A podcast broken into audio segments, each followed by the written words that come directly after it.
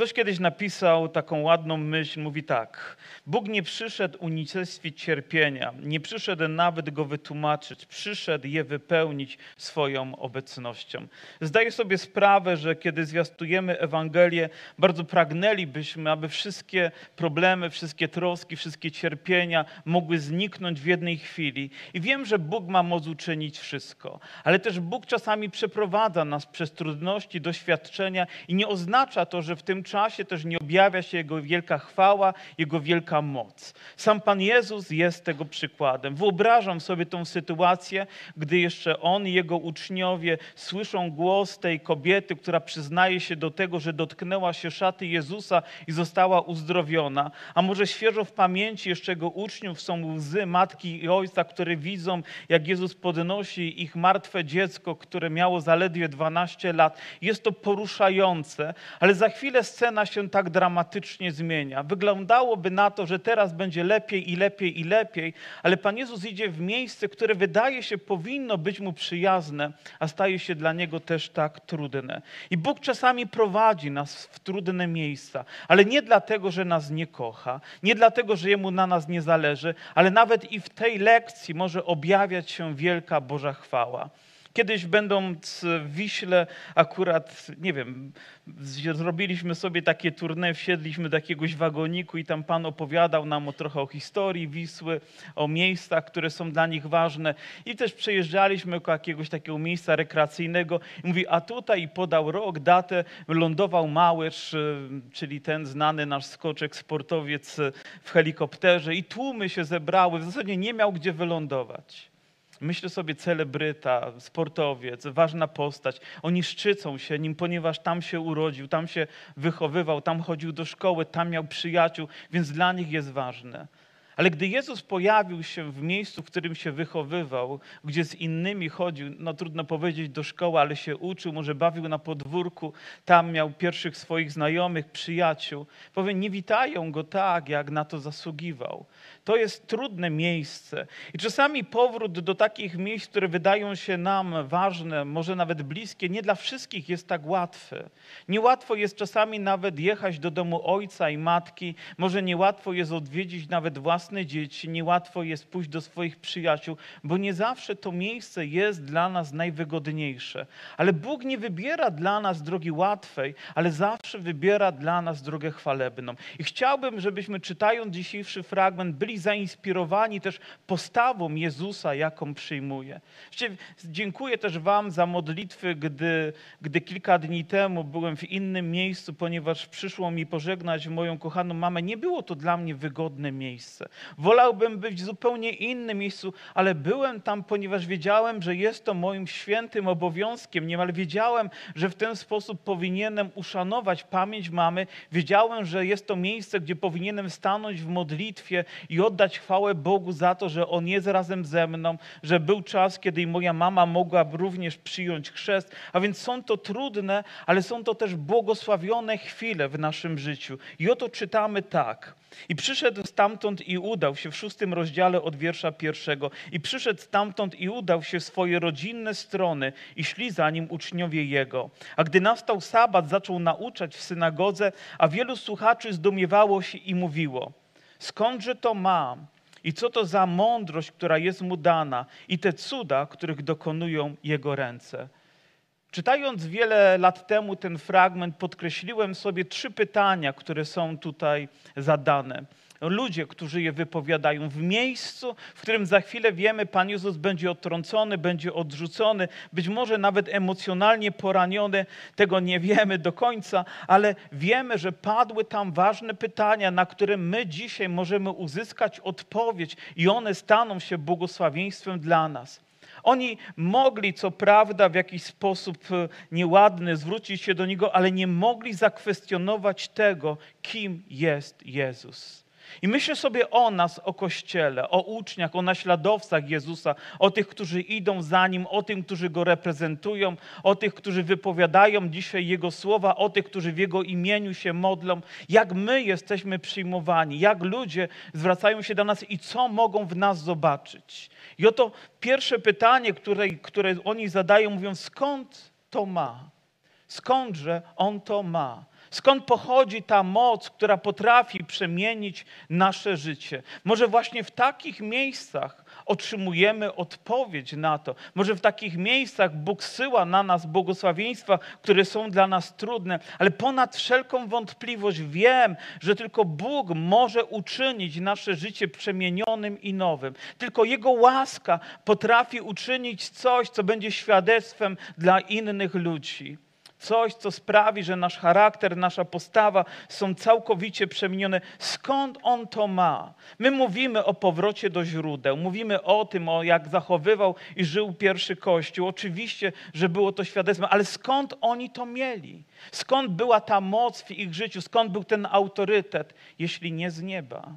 Mogli ich prześladować, ale nie mogli zakwestionować tego, że są inni, że są przemienieni łaską Boga. I żyjemy w świecie, który niekoniecznie musi być dla nas przyjazny, niekoniecznie przed nami rozpościera się chwalebna droga, ale zawsze możemy wiedzieć, że mamy coś, czego nie ma ten świat, i ponieważ dał nam to Jezus Chrystus, prawda?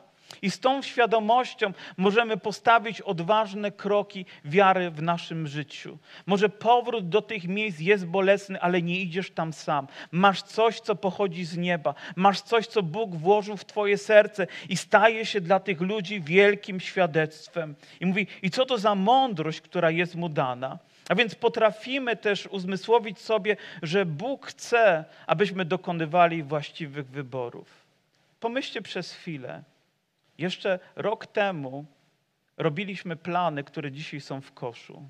Może zainwestowaliśmy środki, które dzisiaj zostały, no, jakby wyparowały, jakby przestały mieć jakiekolwiek znaczenie. Może dlatego, że zrobiliśmy, ponieważ nie posługiwaliśmy się w tym Bożą mądrością, tylko rozpędzeni naszymi potrzebami, zrobiliśmy tak, jak chcieliśmy, a nie tak, jak chciał Bóg. Jakże dla nas istotne jest, byśmy wiedzieli, w jakich czasach żyjemy i dokąd Bóg nas prowadzi. Może ten tydzień też postu i modlitwy ma temu służyć, żebyśmy zagłębili się tak bardzo w Bożą obecność, byśmy rozpoznali czasy, w których żyjemy i wiedzieli, jakie decyzje mamy podjąć. Może to nawet dotyczyć Twoich, nie wiem, umiejętności zawodowych, może Twojego wykształcenia, Twojej przyszłości, Twojej relacji, ale dobrze jest wiedzieć, że to, co robimy, ma mądrość, która pochodzi z nieba, bo wtedy wiemy, że nie będziemy bankrutami, że nie będziemy rozczarowani. Jezus dokonywał takich wyborów i dokonał wyboru, żeby być również i w tym miejscu, by tam im objawić swoje słowo. Od tego wyboru może zależeć nasza przyszłość, więc szukajmy mądrości, która pochodzi z góry, którą tylko Bóg może dać naszemu sercu, aby dalej nas poprowadzić. I później mówi, i te cuda, których dokonują Jego ręce. Nie mogli zakwestionować, że to, co czyni Jezus, jest ponad to, co mogli oni uczynić. Jego ręce leczyły, Jego słowa uzdrawiały, Jego dzieła podnosiły ludzi z miejsca, w którym znaleźli się z powodu, i można by tu pewnie przypisać wiele rzeczy, ale różnych, Jego ręce, gdy dotykały.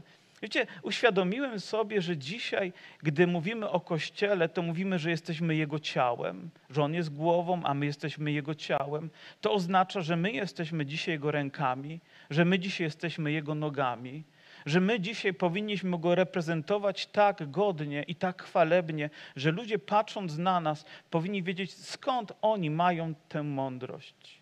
Skąd oni mają tą moc? Skąd oni mają ten autorytet? Mogą nas nie lubić z powodu tego, że jesteśmy ewangeliczni wierzący. Mogą nawet próbować się wyśmiewać z nas, ale nie mogą zakwestionować tego, kim jesteś. Ja nie gwarantuję ci, że twoja rodzina cię zrozumie, ale ze względu na autorytet Jezusa, oni będą wiedzieli, kim Ty jesteś, że masz coś, czego oni nie mają. Oni nie, ma, nie będą wiedzieć, skąd masz tą mądrość, ale będą widzieć, jak ona będzie działać w Twoim życiu. Będziesz się modlić, a Twoje życie będzie przemienione i oni muszą to uznać jako fakt, ponieważ Bóg dokonuje tego również i dzisiaj w swoim Kościele. Idąc dalej, czy to nie jest ów cieśla, syn Marii? Zdajecie sobie sprawę, że tylko Marek wypowiada te słowa? Mówi, czy to nie jest ów cieśla? Inni mówią syn cieśli, ale tylko on mówi cieśla. Wydaje się zwyczajny człowiek, jeszcze syn Marii, jakby to miało tutaj szczególne dla nich znaczenie, a później wymienia, nawet wymienia całą jego rodzinę, i brat jego, i Jozeas, i Juda, i Szymona, i jego siostry. Czy nie ma ich tutaj u nas? I gorszyli się nim. To prawda. Ludzie będą gorszyć się w związku z tym, jeżeli Ty będziesz reprezentować Chrystusa. Ludzie będą wyśmiewać Cię i będą e, być może nawet obelżywie mówić o Tobie. To prawda, że jest to cena, którą my, ewangeliczni ludzie, będziemy musieli zapłacić i za chwileczkę ona może być wyższa niż to, na co niektórzy są przygotowani. W związku z tym będzie problem. Ale wiecie, pomyślałem sobie tak, że co może być gorsze od tego, że ludzie zgorszą się nami? Gorsze może być tylko to, że ktoś może żyć bez Jezusa pozbawiony Jego obecności, pozbawiony Jego chwały, pozbawiony Jego przebaczenia. To może być gorsze jedynie w tym, o czym mówimy. To nie jest wygodne miejsce dla Jezusa. To nie jest przyjazne miejsce. Widać, że ludzie wyśmiewają go tutaj, szydzą z niego, próbują zakwestionować, ale Jezus staje w tym miejscu. Wiecie, mam świadomość, że ktoś z Was przechodzi przez podobne chwile że ktoś z Was musi stanąć w miejscu, które nie jest dla niego wygodne. Ale jeżeli Bóg wzywa Cię, byś poszedł do swojego ojca, do swojej matki, jeżeli Bóg wzywa Cię, żebyś poszedł do, do domu swojego, nie wiem, rodzeństwa, gdziekolwiek, to trzeba tam pójść. Jeżeli trzeba się z kim spotkać, to trzeba tam pójść. I nie dlatego, że Ci się chce, i nie dlatego, że Ty jesteś tak dobry, tylko dlatego, że jesteś uczniem Chrystusa dlatego że chcesz Go naśladować, dlatego że chcesz wypełnić Jego wolę, dlatego że tam powinieneś nawet swoją postawą złożyć świadectwo o Nim. Nie jest to łatwe wracać do takich miejsc, ponieważ są bolesne. Najlepiej mijać je dużymi łukami, ale to nie jest rozwiązanie dla naszego życia. Nawet zdaję sobie sprawę, że przez takie rzeczy musimy przejść, żeby się z nimi zmierzyć, by mieć to za sobą by nie powracać do tego w bolesny sposób, by nie mieć tego jako wyrzutu sumienia, że nie dokonaliśmy czegoś, co dla nas jest ważne. Oto, gdzie Bóg czasami nas stawia. Chcemy tego uniknąć. Ale Boże wezwanie jest takie, byśmy poszli z odwagą, wiedząc, że On jest razem z nami. Oto syn Marii, być może w naszym kraju sam ten fakt też jest jakoś szczególnie podkreślany, że Jezus był w tym ziemskim znaczeniu synem Marii, ale nie zrozumieli tym, że On ma Ojca w niebie. Wiecie, kultura, w której żyjemy, religia, która jest obowiązująca, czasami gorszy się tym, że ewangeliczny Kościół ma odwagę zaprezentować Chrystusa takim, jakim On jest.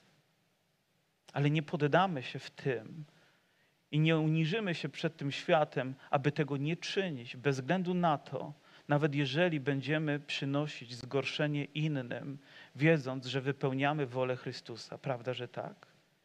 Jest to bolesne.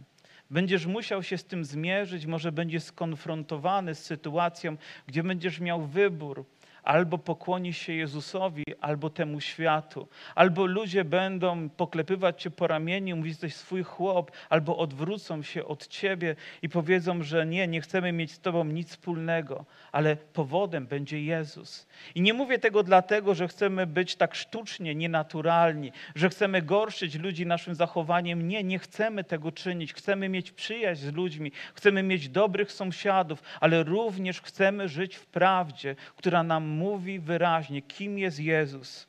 I widzimy, w jakim miejscu mu się znajdował, i my takich miejsc nie unikamy. I rzekł im Jezus: Nigdzie prorok nie jest pozbawiony czci, chyba tylko w ojczyźnie swojej i pośród krewnych swoich i w domu swoim. Czy ktoś z Was tego doświadczył? Czy ktoś z Was był w sytuacji, gdzie nawet ludzie z zewnątrz okazali ci więcej szacunku niż ludzie w domu, bo w domu jesteś mężem, bo w domu jesteś ojcem, bo w domu jesteś synem, bo w domu jesteś po prostu dzieckiem i w ten sposób ludzie patrzą, bo po prostu jesteś ich sąsiadem, bo po prostu tutaj się wychowywałeś, tutaj się kształciłeś. Czasami nawet tak jest w życiu zawodowym, czy może, nie wiem, naszym, że powiedzmy, że ktoś z was mm, uczył się w szkole, a później miałby w tej szkole być nauczycielem. Na początku z pewnością byłoby to trudne. Dlaczego? Bo ci starzy nauczyciele patrzyliby na ciebie jak na ucznia. Może gdzieś w zakładzie pracy, dawniej były takie szkoły zawodowe, uczyłeś się zawodu, a później miałeś tam powrócić, żeby pracować, ale dla nich wciąż byłeś jakimś uczniakiem, którego mniej szanowali niż innych. Po prostu taka jest nasza, nasza natura i czasami tak postępujemy, ale myślę, że w tym kryje się coś więcej, kryje się pewna zasada, z którą my musimy się zmierzyć, że nieraz w tym narodzie, w którym żyjemy, nie doznamy tego, co być może byśmy chcieli, ale powinniśmy tam być ze względu na świadectwo, które mamy złożyć. I najsmutniejsze jest to, o czym czytamy pod koniec tego fragmentu. I nie mógł tam dokonać żadnego cudu, tylko niektórych chorych uzdrowił, wkładając na nich ręce. Jestem bardzo ostrożny, mówiąc w tym, że Bóg czegoś nie może. Dlaczego? Bo Bóg jest wszechmogący, prawda?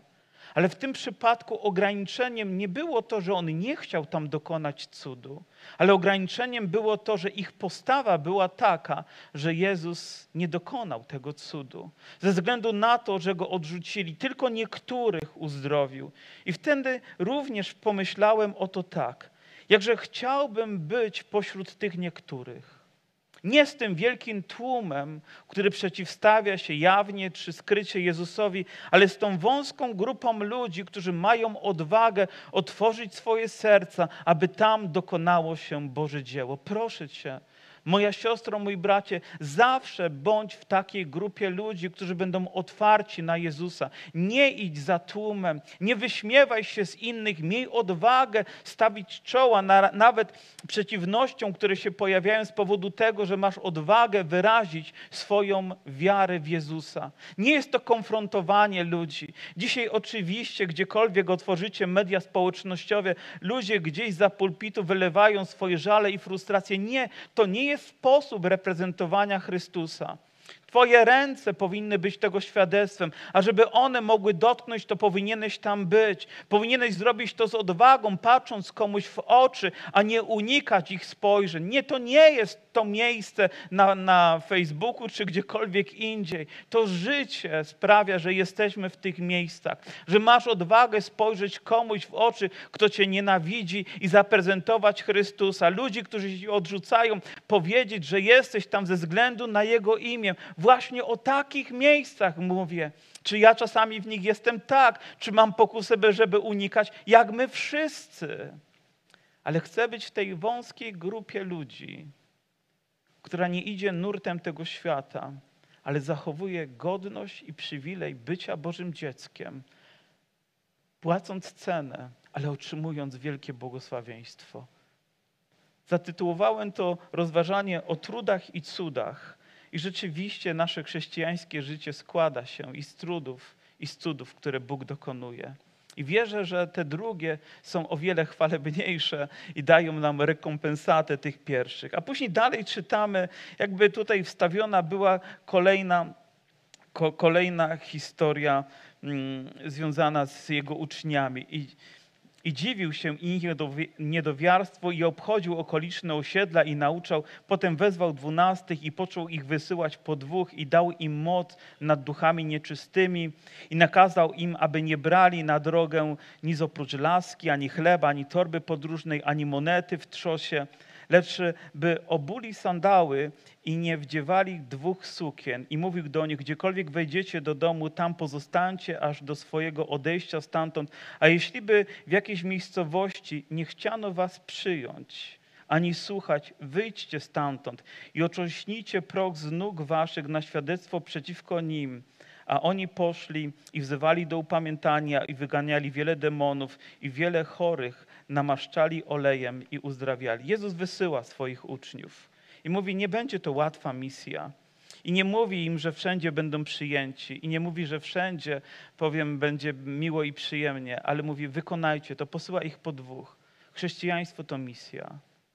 Chrześcijaństwo to nie tylko usiąść wygodnie w krześle i czekać na to, co powie pastor, co ktoś powie przy wieczerzy, ktoś się za mnie pomodli, ktoś przyniesie mi kawałek chleba i wina, ktoś przyniesie korz, wrzucę tam ewentualnie, co mi zbywa, ale chrześcijaństwo to misja, do której jesteśmy powołani. To uczenie się realności Chrystusa każdego dnia takim, jakim On jest. To wyzwanie, które Bóg stawia naszemu życiu, abyśmy mogli za Nim pójść. Dopiero w tych trudach przekonujemy się, jak głębokie i wspaniałe jest świadectwo Chrystusa w nas. I On nawet uczy swoich uczniów to, żeby nie zabierali ze sobą za dużo. Mówi, nie zabierajcie pieniędzy, nie zabierajcie dwóch sukien, nie zabierajcie nic, co byłoby zbędnym balastem.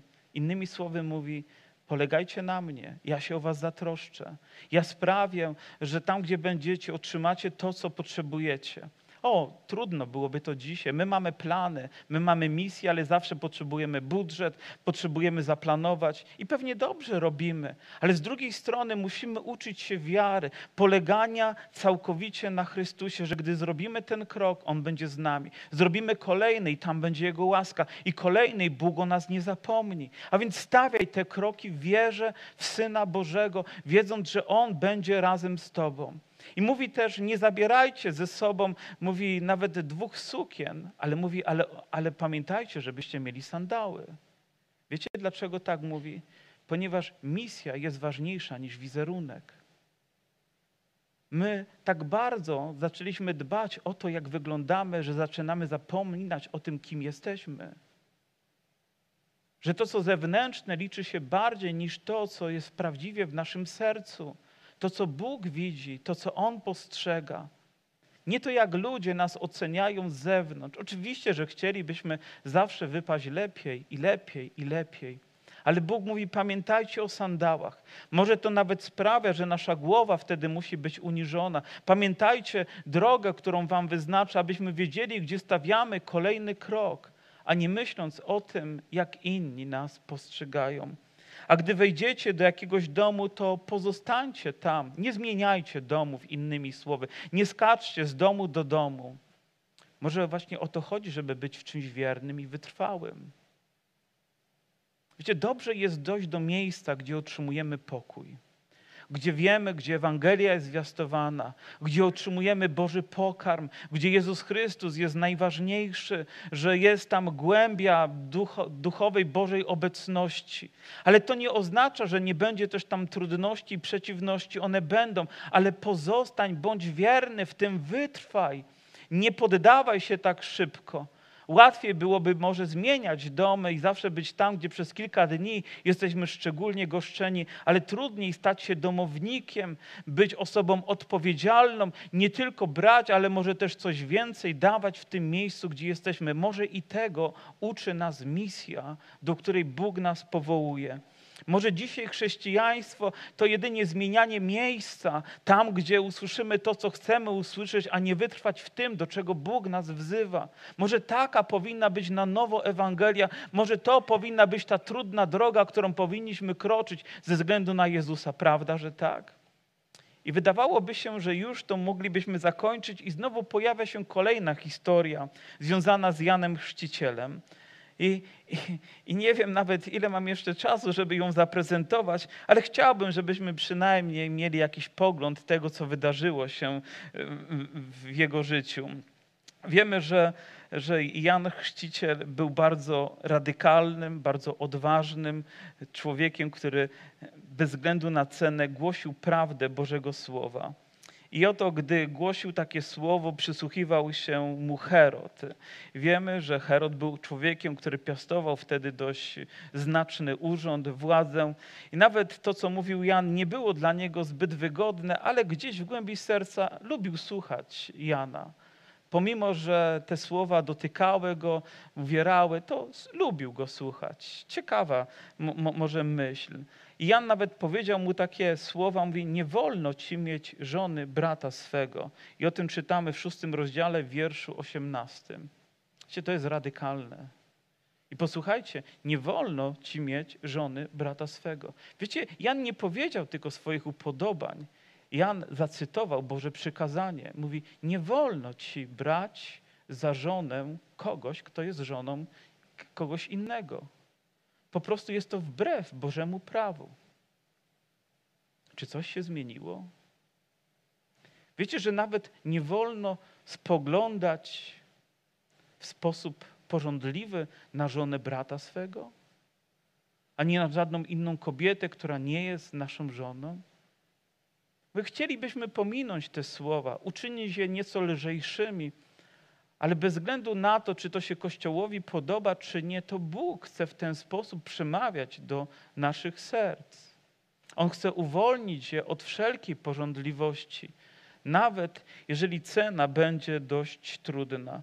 I z pewnością był zakłopotany z tego powodu Herod i nie podobało mu się, ale jeszcze trudniejszą rzeczą jest to, że nie podobało się to Herodianie, żonie Heroda, tą, którą nie powinien poślubić. Ona zaczęła pałać nienawiścią w stosunku do Jana Chrzciciela, szukając pretekstu i okazji, aby go zgładzić. Zobaczcie, jak słowo prawdy może wywołać reperkusję nienawiści. Gdzieś odzewem mogą być emocje, które próbują zniszczyć drugą osobę. Nie chcę tutaj iść zbyt daleko i mówić, że musimy uważać, my, panowie, bracia, żeby żony nami nie sterowały, żeby nie miały wpływu na nas, żeby coś gorszego się nie wydarzyło. Nie chcę tak daleko się zapędzać, ale musimy uważać na to, żeby nie być pod czyimś wpływem. I oto przydarzyła się taka okazja, że Herod miał swoje urodziny i wyprawił je dość hucznie, zaprosił swoich przyjaciół, ludzi, którzy piastowali wysokie stanowisko i wtedy córka Herodiady, to nie była jego córka, tylko córka Herodiady, a więc jego mm, jego dziecko, które adoptował, nie wiem czy takiego słowa można, można tutaj użyć, zaczęło tańczyć i spodobało się to Herodowi nawet bardzo, do tego stopnia, że powiedział jej słowa, których chyba nie powinien, nie powinien powiedzieć. Mówi, proś o co chcesz, a dam ci, w wierszu 22. Wiecie, jaka lekcja jest dla nas? Powiem, emocje mogą bardzo dawać złe podpowiedzi naszemu życiu że nawet nie wiemy, jak ta emocjonalna chwila może się skończyć gdzie ona nas doprowadzi i jakie mogą być konsekwencje. I wyobraźcie sobie, oto naprawdę fajna uczta, oto impreza urodzinowa, ludzie dobrze się bawią, gdzieś muzyka, ktoś tańczy, emocje zaczynają wzrastać. Herod rozpędzony tą chwilą wypowiada słowa, nie wiedząc, jakie konsekwencje za chwileczkę będą miały w jego życiu. I mówi, proś o co chcesz. A ona zwróciła się do swojej mamy i mówi, mamo, to o co mam prosić? A mama mówi, o głowę Jana Chrzciciela. Wyobrażacie sobie, że ta chwila w tym momencie zabawy kończy się? Nawet próbuję sobie wyobrażać, gdy usłyszał tę odpowiedź Herod, mówi nawet połowę królestwa, to jak w bajce wygląda, prawda? O, połowę królestwa ci oddam, jeszcze nie wiadomo co. Ale w tym momencie zabawa się kończy i sprawa staje się poważna, dramatyczna. Nie wiemy, jak może skończyć się zabawa, która rozbudza nasze emocje i która może doprowadzić do tragicznych rzeczy. Rozpoczyna się coś w błahy sposób, ale konsekwencje tego mogą być naprawdę straszne w życiu człowieka. I oto ja, oto Herod, żeby wypełnić te słowa, posyła ludzi, aby pozbawili Jana życia. Jego głowa w misie jest przyniesiona i podana córce czy też żonie Heroda. Straszna rzecz. Nawet nie wiem, jak ją wytłumaczyć, ale wiem jedno, że musimy być bardzo ostrożni. Wiem, że musimy wyciągać dobre lekcje dla naszego życia, by nie dać się złapać w taką pułapkę, która może zniszczyć nasze życie, ponieważ jedna chwila nieuwagi może kosztować Cię Twoje szczęście, Twoją relację, Twoją bliskość z kimś, kogo kochasz, może kogo szanujesz. Może to doprowadzić do tragedii. Musimy uważać na to, jakie obietnice i komu składamy, przed kim się kłaniamy, przed kim otwieramy nasze serce. Ja wiem, że czasami ludzie mówią, o tak bezkrytycznie powinni być otwarci na wszystko. Nie, Nie, jeżeli jesteś Bożym dzieckiem, bezkrytycznie możesz być otwarty tylko na Jezusa, tylko na Boga, a wszystkiego innego powinieneś się wystrzegać, powinieneś mieć mądrość, ponieważ to może doprowadzić cię do granicy rozpaczy, załamania i trudności, z którymi sobie ciężko będzie tobie poradzić. Proszę cię, bądź ostrożny. Czasami ludzie mówią: O, możemy otworzyć się na nową duchowość, na nową religijność, na nowe możliwości. Proszę nie, bądź ostrożny. Czyż nie to dał nam Bóg, byśmy posługiwali się mądrością, która pochodzi z nieba, by takich rzeczy uniknąć i konsekwencji, które mogą z tego wynikać, by nie dać się złapać jakąś pułapkę emocjonalną. Myślę, że wszystkie sekty charakteryzują się tym, że chcą rozbudzić Twoje emocje, a później złapać Cię w sidła. Może jakieś religijne wydarzenie na pozór wydaje się dobre, ale ile jest prawdy, ile tam jest Bożego objawienia, ile tam jest Bożego Słowa, ile tam prawdziwie jest chwały dla Boga. Musimy odpowiedzieć, znając Boże Słowo i wiedząc, że tylko Bogu możemy powiedzieć tak i nasze tak powinno być tak i nasze nie powinno być nie, by objawiła się tutaj prawdziwie Boża mądrość, która będzie nas chronić. Czasami mówimy nieodpowiednim osobom tak. I smuci mnie to, że tej odpowiedniej osobie ludzie, którzy tak bliscy powinni być Jezusowi, powiedzieli mu nie, gdy on do nich przyszedł. Panie, daj nam mądrość rozróżnić to, byśmy zachowali nasze życie, byśmy wiedząc, w jakich czasach żyjemy, mogli podejmować właściwe decyzje. Panie, prosimy, objaw nam to. Właśnie taka powinna być nasza modlitwa. A później taka dobra rada, którą daje Pan Jezus apostołom, którzy przyszli. Przyszli i rzekł im, wy sami idźcie na osobności, na miejsce ustronne, odpocznijcie nieco, albowiem tych, co przychodzili i odchodzili, było wielu, tak iż nie mieli nawet czasu, by się posilić. Pan Jezus daje radę, aby spędzali czas odpoczywając, aby mieli ten czas odosobnienia, czas, kiedy mogą nie tylko się posilić, ale po prostu odetchnąć fizycznie, emocjonalnie po trudach. Wiecie, że można być tak zajętym w służbie, że człowiek straci czas na społeczność z Bogiem? I to doprowadzi do katastrofy w Twojej służbie i w Twoim życiu. Może dlatego tak wielu liderów upada, bo zapomina przyjąć to proste polecenie Jezusa. Miej czas, by odpocząć. Miej czas, by wytchnąć. I do niczego tak bardzo bym was nie zachęcał, wiedząc, że ten rok jeszcze wciąż jest nowym rokiem, abyście każdego dnia znaleźli czas, by odpoczywać w Bożej obecności czas, który będzie świętym czasem, gdy Biblia będzie otwarta, wasze serce będzie otwarte, może wasza postawa serca będzie uniżona przed Bogiem, bo to będzie błogosławiony czas. Myślę, że On ustrzeże nas przed niebezpieczeństwami, ale poprowadzi nas też ścieżką błogosławieństwa. To ważny czas, byśmy znaleźli wytchnienie pośród wielu zajęć i sytuacji, które mają miejsce, aby po prostu odpocząć. Taką samą radę Pan Jezus dał starszyźnie efeskiej, gdy już wiedział Paweł, że się z nimi nie spotka, mówi: zadbajcie o samych siebie. I to wydaje się takie może wręcz egoistyczne. Ale wyobraźcie sobie sytuację, jesteście w samolocie. Ja lubię to, jak nas szkolą przed tym, zanim się rozbijemy gdzieś na wodzie, prawda? Że to jest bardzo zachęcające, kiedy mówią o tym. Ale mówią tak, gdy maski wypadną, to komu pierwszemu nakładamy maskę? Jest dziecko obok, żona jest obok i jestem ja. Komu pierwszemu powinienem założyć maskę? Wiecie, nie dlatego, że tak się kocham, sobie zakładam, tylko dlatego, że jeżeli tego nie zrobię, to nie nałożę maski mojemu dziecku i mojej żonie, bo stracę przytomność. Nie jesteśmy w stanie pomóc innym, jeżeli o samych siebie nie zadbamy.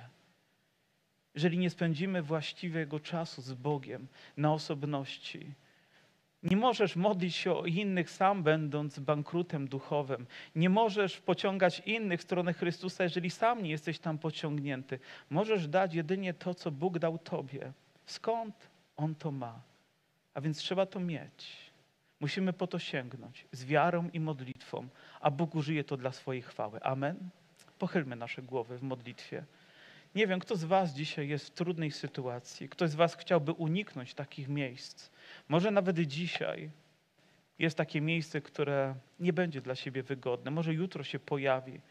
Proszę, nie unikaj go, bo tam może objawić się coś, co Bóg tylko w tym miejscu i dla tych ludzi może uczynić, nawet na świadectwo. Nawet jeżeli trzeba będzie tam strząsnąć proch. I aby to nie był proch w naszym mieście i w naszych domach, w naszych rodzinach, na świadectwo, ale mamy to zrobić ze względu na Jezusa. Kto z Was dzisiaj potrzebuje modlitwy? Kto z Was potrzebuje wsparcia? Kto z Was potrzebuje tego, co z nieba? Kto z Was potrzebuje mądrości? Kto z Was potrzebuje modlitwy? Kto z Was dzisiaj potrzebuje? Proszę powiedz się o tym. Powstańmy.